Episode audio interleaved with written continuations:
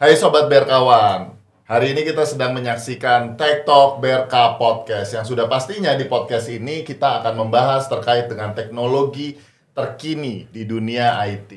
Nah, perkenalkan nama saya Niko sebagai Senior Alliance Manager di PT BRK Hardaya Perkasa dan hari ini saya ditemani oleh tamu-tamu yang keren-keren banget.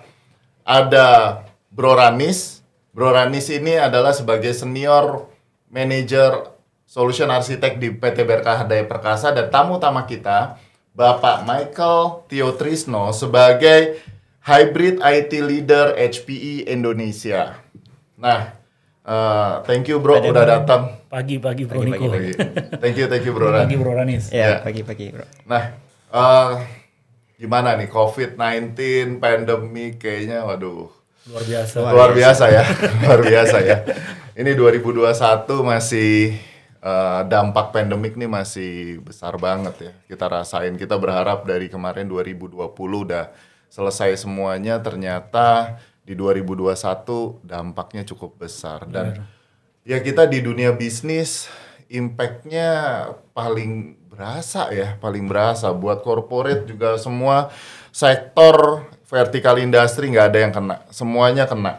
Bahkan eh, kondisi ini kita takut bakal terus-terusan dan mungkin masih beberapa tahun lagi ke depan gitu ya terjadi pandemik. Nah artinya nih kalau kalau gue mikir ya bro ya eh, leader owners dari company itu kan mereka harus eh, punya solusi ya punya punya punya rencana yang matang buat buat mereka bisa keluar dari dari kondisi seperti ini. Nah kalau menurut Bro uh, Mike gimana ya kalau mereka untuk bisa berkembang dan menghadapi mempersiapkan dirinya dalam kondisi pandemik seperti ini, Bro? Iya, Bro Niko. Jadi ini menarik banget karena ya kita nggak pernah membayangkan ya kejadian tahun 1930-an mungkin berulang di sekarang Ya, gitu ya, ya. pandemik gitu.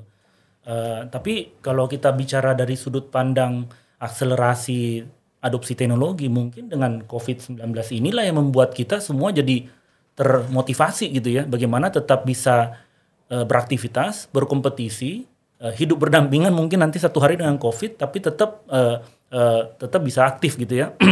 Jadi kalau kita sedikit flashback ya di bulan Juli, Menteri Perdagangan kita Bapak Muhammad Lutfi mengatakan sebenarnya eh, dengan adanya kondisi COVID dalam 18 bulan terakhir itu sebenarnya banyak eh, memacu perkembangan adopsi teknologi ya, terutama kita bicara di ekonomi digital. Jadi beliau sebenarnya mengatakan di bulan Juli kemarin akan ada pertumbuhan atau proyeksi pertumbuhan di ekonomi ekonomi digital itu dari 4% GDP menjadi 34% GDP di tahun 2030.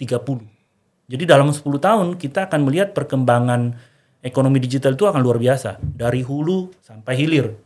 Dari kita bicara e-commerce, dari kita bicara web tech, sampai kita bicara adopsi 5G, IoT, cloud computing. Nah, itu akan membuat perkembangan ekonomi digital menjadi luar biasa. Jadi kalau sobat berkawan bisa saksikan di layar eh, yang tadi saya sampaikan digital ekonomi dan perkembangannya memang luar biasa ya Bro Ranis ya. 55 miliar devices akan terhubung di tahun 2025. Bayangkan berapa besar pertumbuhan data yang akan ada di mobile devices kita. 82% leader di korporasi menyatakan bahwa ya mereka akan melanjutkan working from home gitu dan tentunya mungkin sekolah-sekolah juga masih akan ada ke arah sana gitu ya. Nah, jadi kalau kita melihat dengan perkembangan eh, digital transformasi sebenarnya diakselerasi dengan kehadiran Covid ya kan. Sebenarnya ya. Jadi kalau lihat ada muncul experience baru kan ya. Kita bicara misalnya real time collaboration ya. Kebetulan ini kan kita podcast, kita ketemu langsung, tapi aslinya kan kita semua lewat virtual kan ya. Di office semua real time collaboration. Terus kita bicara telemedicine. Mungkin ke depannya saat 5G sudah di launch akan ada telesurgery kan. Kita mungkin dapat bantuan surgery mungkin dari dokter-dokter tenaga ahli dari luar negeri gitu ya. Karena saking cepatnya bandwidth dan eh, koneksi yang kita akan punya di 5G. Autonomous driving misalnya ya dengan produk-produk yang mungkin kita sudah lihat ya dalam perkembangan remote learning ya tadi ya anak-anak sekolah kemudian on demand platform itu banyak sekali perkembangan sebenarnya dalam mungkin dalam 18 bulan terakhir gitu. Dan seiring dengan apa yang tadi disampaikan eh, kayak Menteri Perdagangan ya Pak Muhammad Lutfi, sebenarnya juga Morgan Stanley mencatat bahwa digital transformation spending di dunia itu dalam lima tahun terakhir 2020 ke 2025 ke depan itu akan bertumbuh tiga kali lipat. Jadi kalau GDP tadi 4% ke 34% sebenarnya masuk akal karena di dunia pun sebenarnya perkembangannya juga luar biasa. Ya, bisa dilihat dari 337 billion menjadi hampir 900 billion ya di tahun 2025 tiga kali lipat perkembangan dari sisi spending digital transformasi. Jadi ya kira-kira itu sih Bro Niko uh, apa yang akan kita lihat ya dalam uh, kira-kira mungkin 12-18 bulan ke depan ya, tren teknologi gitu. Nah itu kan jadi menarik ya dengan uh, digital ekonomi kemudian dengan um, perusahaan-perusahaan yang memang sudah digital native itu kan akan semakin besar. Nah tapi salah satu yang gue baca ya, jadi kalau gue baca survei itu salah satu challenge untuk company bisa menerapkan teknologi itu kan cost-nya juga cukup besar ya. Betul. Cost-nya besar, investasinya besar. Nah, bagaimana dengan kondisi pandemik yang kalau kita lihat ekonominya lagi turun, bagaimana customer itu atau company ini bisa mereka naikin dari sisi uh, teknologinya, tapi dari sisi investasinya mereka bisa bertahap itu solusinya gimana? Apalagi kalau persaingan bisnis ketat, udah pasti deh datanya Betul. mereka mereka butuh data, mereka bisnis analitiknya perlu kencang. Nah itu penerapan teknologinya pasti harus harus harus uh, sangat baik gitu. Ya. Iya, ya, jadi gini Bro Niko, uh, saya tadi tertarik dengan satu statementnya Bro Niko bahwa harus going ke digital. Nah, ini terus terang di dalam uh, banyak media uh, discussion antara CEO kami Antonio Neri ke media-media yang ada di uh, di US maupun di dunia, kita menyampaikan bahwa dengan adanya COVID sebenarnya going to be digital itu sudah bukan lagi menjadi option, tapi sudah menjadi strategic decision. Kita sebutnya strategic imperative gitu ya, yang harus dilakukan korporasi. Nah tapi memang di dalam perkembangannya kita mencatat ada beberapa challenge nih. Ya kalau sobat berkawan bisa lihat ya di layarnya ada empat challenge nih kita lihat pada saat uh, kita berdiskusi dengan user, berdiskusi dengan uh, bisnis partner, baik itu di Indonesia maupun di dunia gitu. Ada empat. Tadi Bro Niko sudah sampaikan mengenai cost gitu. Yeah. Benar banget bahwa di dalam kondisi 18 bulan terakhir saat kita berdiskusi, user-user sudah mengutarakan bahwa, waduh, ini IT tetap diminta atau dituntut untuk berinovasi nih harus menghadirkan layanan digital, harus going to be very, very kompetitif gitu. Tapi korporasi menekan biaya. Yeah. Korporasi meminta untuk cut cost gitu. Kenapa? Karena uh, funding yang mereka punya atau dana yang mereka punya bisa dialokasikan untuk bisnis priority yang lain. Gitu. Yeah. Nah itu yang pertama. Challenge yang kedua kita catat bahwa yang tadi kalau mau going to be kompetitif, sekarang korporasi going to be digital. Nah, kalau going to be digital, kita berbicara bahwa bagaimana scale dari IT sendiri itu mampu mendukung pertumbuhan dari digital yang dibangun oleh korporasi tersebut. Kita sebutnya scale di sini. Jadi digital business mesti bisa scale. Mau itu scale up karena kebutuhannya naik ataupun bisa scale down. Gitu ya. Nah, yang ketiga kita lihat ada challenge yang lain yaitu adalah agility. Jadi korporasi juga dihadapkan pada situasi uh, mungkin nggak bahwa IT itu bisa lebih fleksibel, lebih agile gitu. Karena ya itu ada tuntutan dari sisi bisnis dan digital kan ya. Karena dengan punya infrastruktur yang agile dan fleksibel, mungkin layaknya seperti ada di yang ada di public cloud, ya mereka jadi bisa lebih berinovasi dan bisa mengikuti perkembangan dari bisnis gitu ya. Nah, yang terakhir yang kita lihat challenge adalah mengenai complexity. Nah, managing infrastruktur sebenarnya teman-teman IT yang kita capture dalam diskusi mereka mengatakan bahwa memang tidak mudah untuk memanage infrastruktur saat ini ya. Apalagi kondisi COVID. Kita nggak bisa ke data center kita nggak bisa ke ruang server gitu ya. Semuanya di rumah. Ya terpaksa mesti bangun secure connectivity gitu.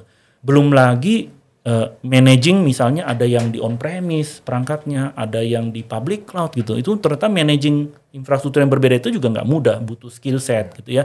Dan yang terakhir ya complexity juga ujung-ujungnya berbicara mengenai proteksi ya. Karena kan kita dalam beberapa bulan terakhir dengar ada ransomware attack mau itu di industri perbankan baik itu yang ada di luar negeri mungkin ataupun yang ada di Indonesia dalam lima tahun terakhir.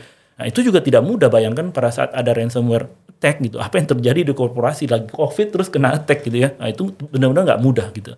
Jadi itu empat challenge yang kita lihat lah ya. Nah dari empat challenge kita lihat kita zoom ke apa yang dilihat dari digital transformasi saat ini? Ada tiga pilar kita percaya. Pertama, edge centric yang tadi saya ceritakan, 55 yeah. miliar devices terhubung. Nah, itu semua semua data ada di mobile handphone kita nih, yeah. ya kan?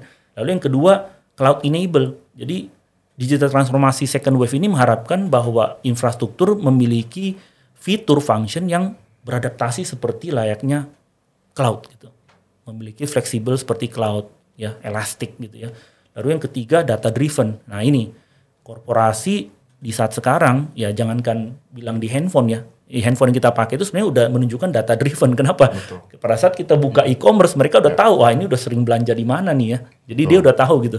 Nah itu bicara data driven karena ya itu sudah diadopsi oleh beberapa korporasi eh, memanfaatkan data analitik sehingga mereka punya informasi yang bermanfaat untuk mengambil keputusan. Ya. Nah itu yang kita lihat kira-kira gitu, Niko. Ya. Thank you bro. Jadi um, sangat menarik ya ketika digital transformation tadi kalau disebutkan bahwasanya digital transformation itu adalah sudah menjadi sebuah strategi dan bukan lagi sebuah option. Artinya bagaimana nih? Gue mau nanya sama Bro Ranis nih, gimana kalau company itu langkah awal untuk menerapkan digital transformation itu uh, seperti apa? Apalagi dengan empat challenge ini kan menjadi menjadi sebuah sebuah tantangan baru buat buat buat company ya.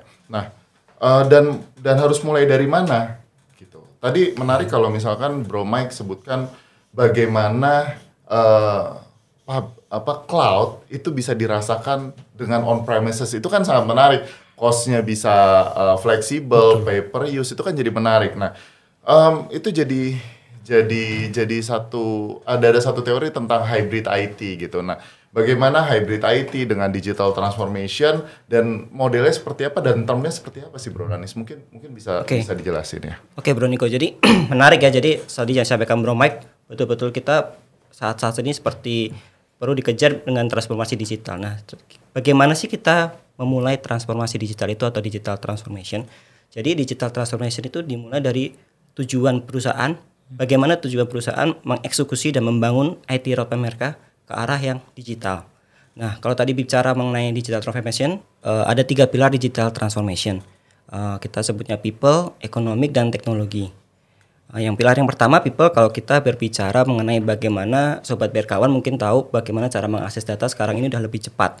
Dari kita mungkin lima tahun, 10 tahun, 20 tahun ke belakang itu misal dulu kita tahu kalau kita akses uh, internet itu kita harus colok line tel pon. Jadi kan uh, semua yang dulu juga speednya juga masih satuan kilobit per second kan.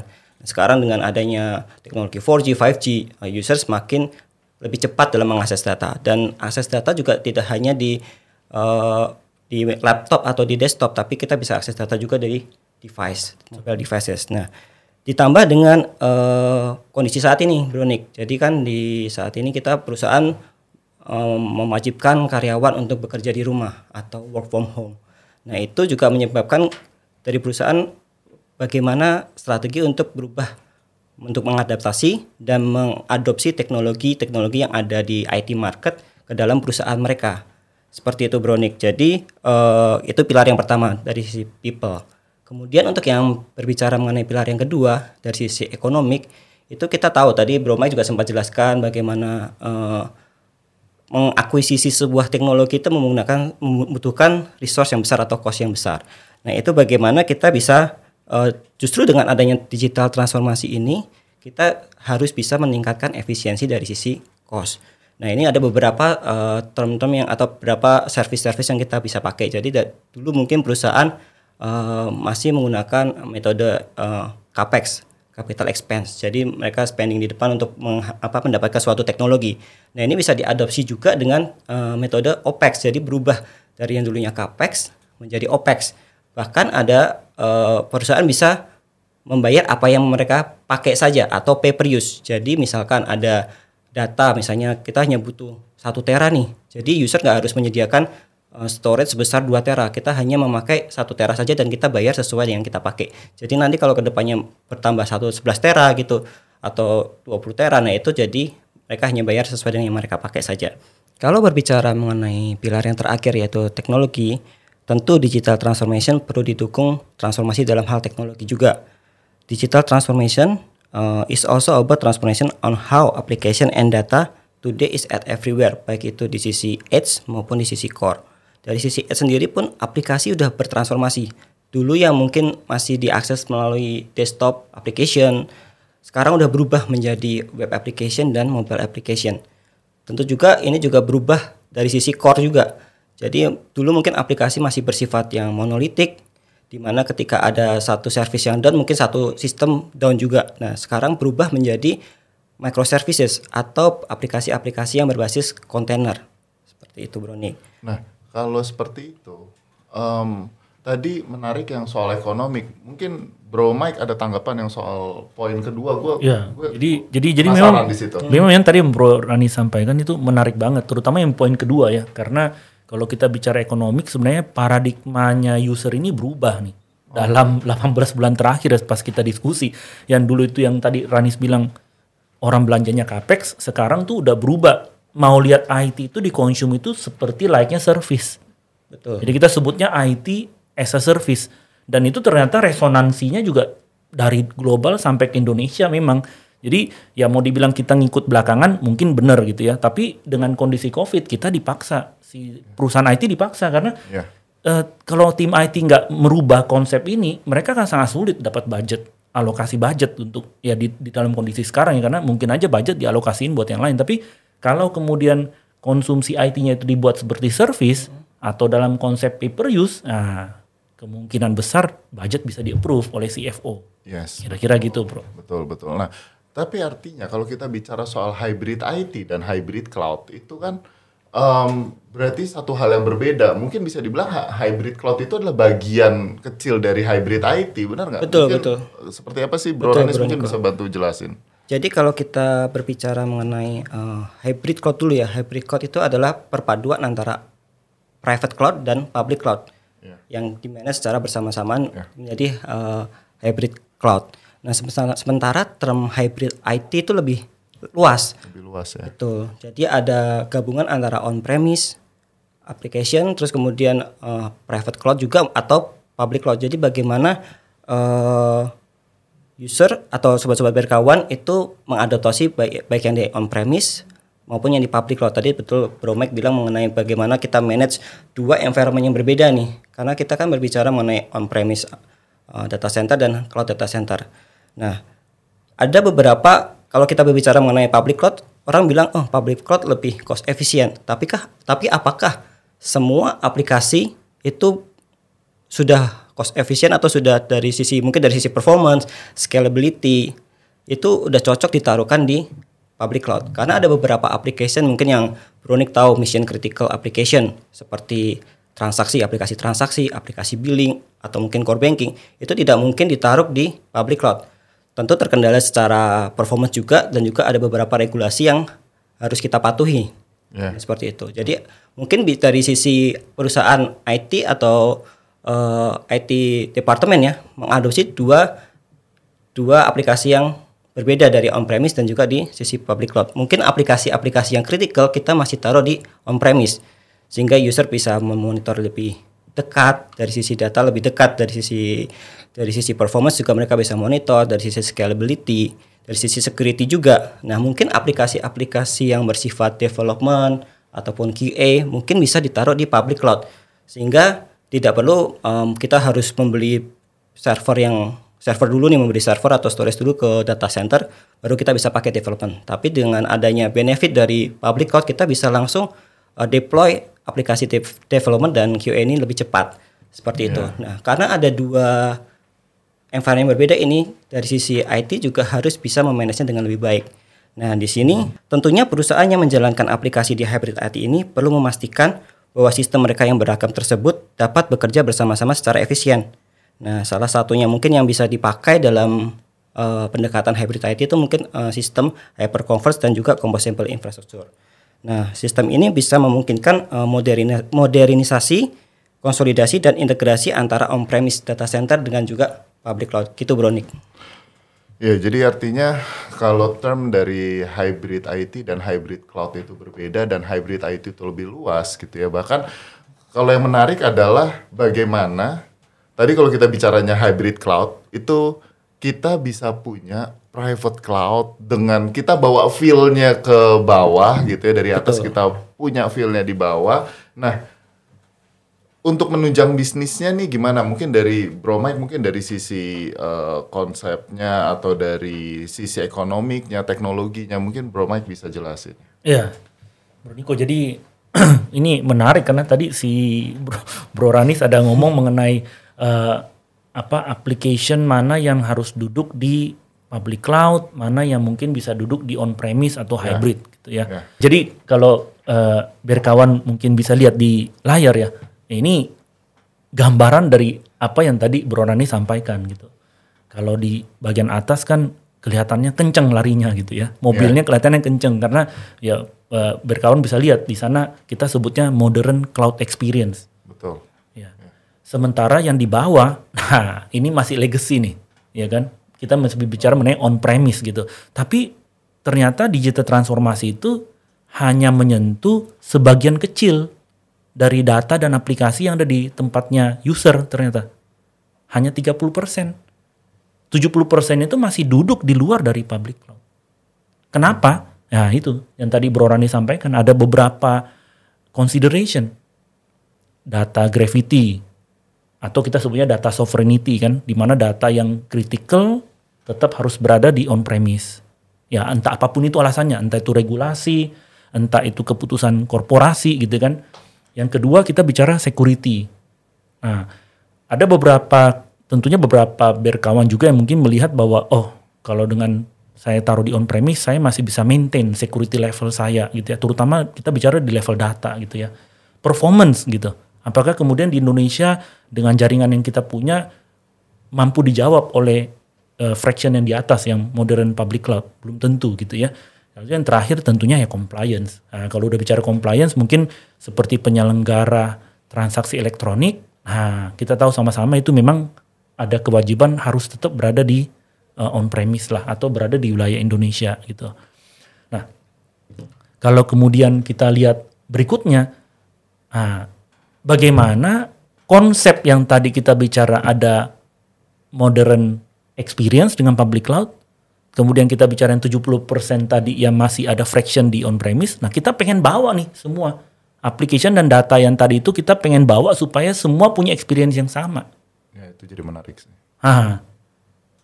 Karena kan yang 70% tadi kan masih duduk di on premise, kan nggak bisa naik ke atas gitu. Nah, bagaimana kemudian tadi Bro Niko bilang, bagaimana cloud experience itu bisa kita bawa ke user? Nah, caranya ini. Ini awal mulanya nih. Jadi bagaimana kita bawa experience dari cloud itu menyentuh application dan data yang ada di tempat-tempat e, berkawan gitu ya. Nah, nah ini menarik cloud itu ternyata bukan destinasi akhir. Karena kalau kita bicara 10-20 tahun lalu, kita udah pakai email. Nah, email kita itu kan sebenarnya bentuk nyata cloud. Jadi jangan bilang cloud sekarang, sebenarnya 20 tahun lalu email itu adalah cloud. Cuman sekarang itu jadi lebih keren aja gitu ya. Termsnya gitu ya, jargonnya jadi lebih hype gitu. Nah, 20 tahun lalu saat kita pakai email, apa email itu ada di handphone kita? Nggak ada. Email itu tuh adanya di cloud sebenarnya. Entah itu di Yahoo, entah itu di Gmail gitu kan. Tapi kita memanfaatkan itu.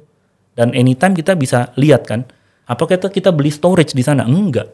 Bahkan free malah waktu itu kan. Sebenarnya sampai sekarang juga masih free. Jadi survei di third party di global mencatat sebenarnya 90% enterprise itu tuh masih cenderung akan mengarah ke hybrid cloud. Nah ini yang tadi Bro Nani sampaikan, ini resonan saja dari apa yang tadi Bro Nani bilangnya bahwa masih banyak di dunia yang akan mengarah ke hybrid cloud. Karena apa? Kami percaya cloud itu itu adalah experience, pengalaman. Bagaimana bisa scale up, bisa scale down, pembiayaannya murah. Nah, bukan bukan murah ya, tapi pembiayaannya jadi lebih menarik gitu ya, Fleksibel lebih lah. fleksibel, Fleksibel. betul kan? Nah, tapi tetap dapat apa? Dapat agility, dapat simplicity-nya gitu, dapat security-nya. Nah, ini yang menarik bagaimana kita bawa experience cloud itu ke on premise, ya kita sebut dengan hybrid gitu ya. Nah, apa manfaat? Apa manfaat kalau kita bisa bawa experience itu ke on premise? Jadi kalau kita lihat di layar, mungkin biar kawan bisa lihat di layar, bagaimana kita accelerating value dari hybrid cloud experience, ya kita sebutnya dengan konsep Green Lake gitu ya. 75% waktu kita deploy untuk baik itu digital project, baik itu yang monolitik, itu jauh lebih cepat. Kita bisa reduksi. Kita reduksi 25% dari time to marketnya. Kemudian kita bicara mengenai risknya. Kita bisa kurangin risk gitu ya. 85% less unplanned downtime. Kemudian dari sisi biaya gitu ya, kalau kita bisa bawa experience cloud tadi itu ke on premise dengan konsep ini, kita bisa reduksi sebenarnya 30% biaya. Dari mana? Dari over provisioning. Nah, ini menarik Bro Ranis. Kan biasa tuh kita ketemu user, kita tanya kebutuhannya apa apa apa gitu ya. Nah, ternyata dikasihnya kebutuhan buat 3 tahun, 5 tahun.